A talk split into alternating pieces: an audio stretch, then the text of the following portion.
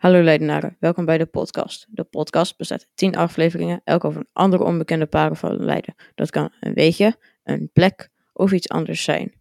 Het is een top 10, dus we beginnen bij, bij 10. Ik ben de host Diebe, dit is nummer 5 en het gaat over Goeie Mie. En ik zit hier met Lara en Roos. Yay! Superleuk dat we mochten komen. Oké. En we gaan het vandaag hebben over Goeie Mie, Shirley moordenares uit de 19e eeuw die in Leid- Leiden leefde. Vertel eens wat over haar leven. Nou, Goede Mie is ehm, haar bijnaam. Ze heet echt Maria Zwanensburg. Ze is geboren op 9 september in, 19, in 1839. Ze is super oud is, in Leiden. En ze is dochter van Clemens Zwanenburg en Johanna Dingjan.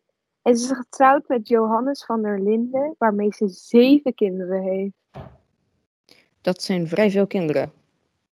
Ja, En- twee daarvan zijn overleden, dus er bleven En- nog vijf over. Oké. En zijn die dan ook door haar vermoord? Of hoe zit dat? Nee, waarschijnlijk niet. Er is grote kans dat ze zijn overleden aan een ziekte die op dat moment heerste, maar dat hebben ze nog niet. Niet alle bewijzen hebben ze daarvoor. Ja. En waarom werd ze Goede Mie genoemd? Eh, ja, dat is eigenlijk een beetje gek, want ze is natuurlijk een seriemoordenares, dus dat zou je niet echt verwachten. Alleen haar baan was het verzorgen van zieken en ouderen. En eh, daardoor dachten mensen dus dat ze een heel goed persoon was en dat ze ja, gewoon een goed iemand was, waardoor ze dus ook Goeie Mie werd genoemd. Maar eigenlijk waren haar patiënten vaak haar eh, slachtoffers. Dus ja. Maar dus er- toen het dat ze onschuldig was. Dus ze werd ook bijna nooit verdacht omdat ze ging, omging met zwakkeren. Ja, En waren haar patiënten de enige slachtoffers?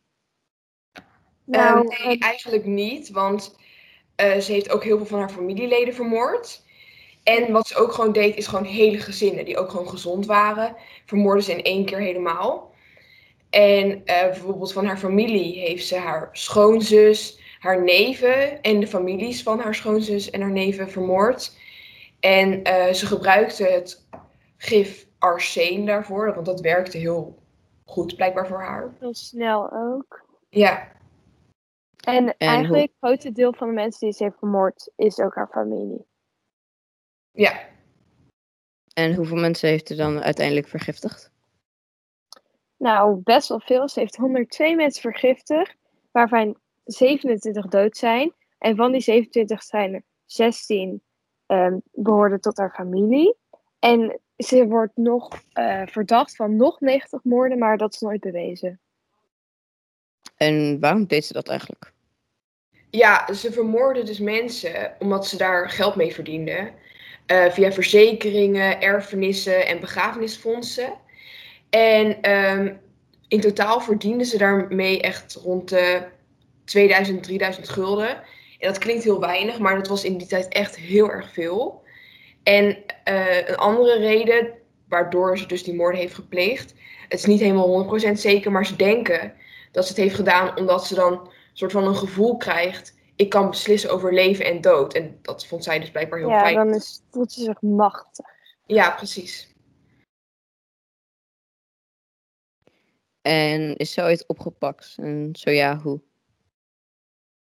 Ja, ze is eh, gearresteerd op 15 december 1883 voor het vergiftigen van gezin Frankhuizen en moeder Marie Frankhuizen en zoon Hendrik. Dus weer hele gezinnen.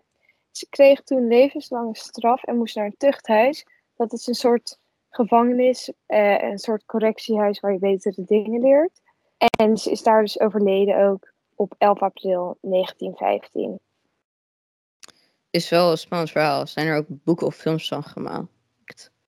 Ehm, niet dat ik weet, alleen ze staat wel in het recordboek van de wereld. En daar staat ze in als grootste gifmengster alle tijden.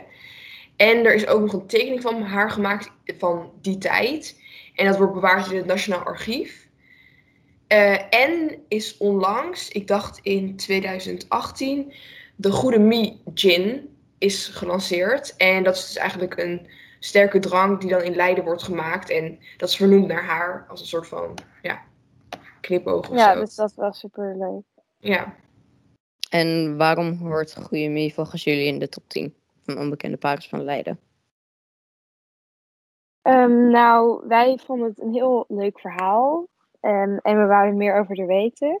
En we vonden het ook wel gewoon een interessant onderwerp en niet te saai. Gewoon leuk over moordenaden en zo.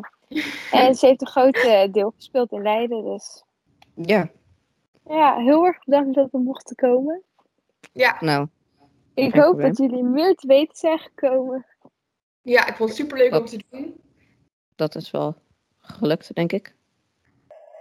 En dat is dan weer voor deze aflevering. Tot de volgende keer.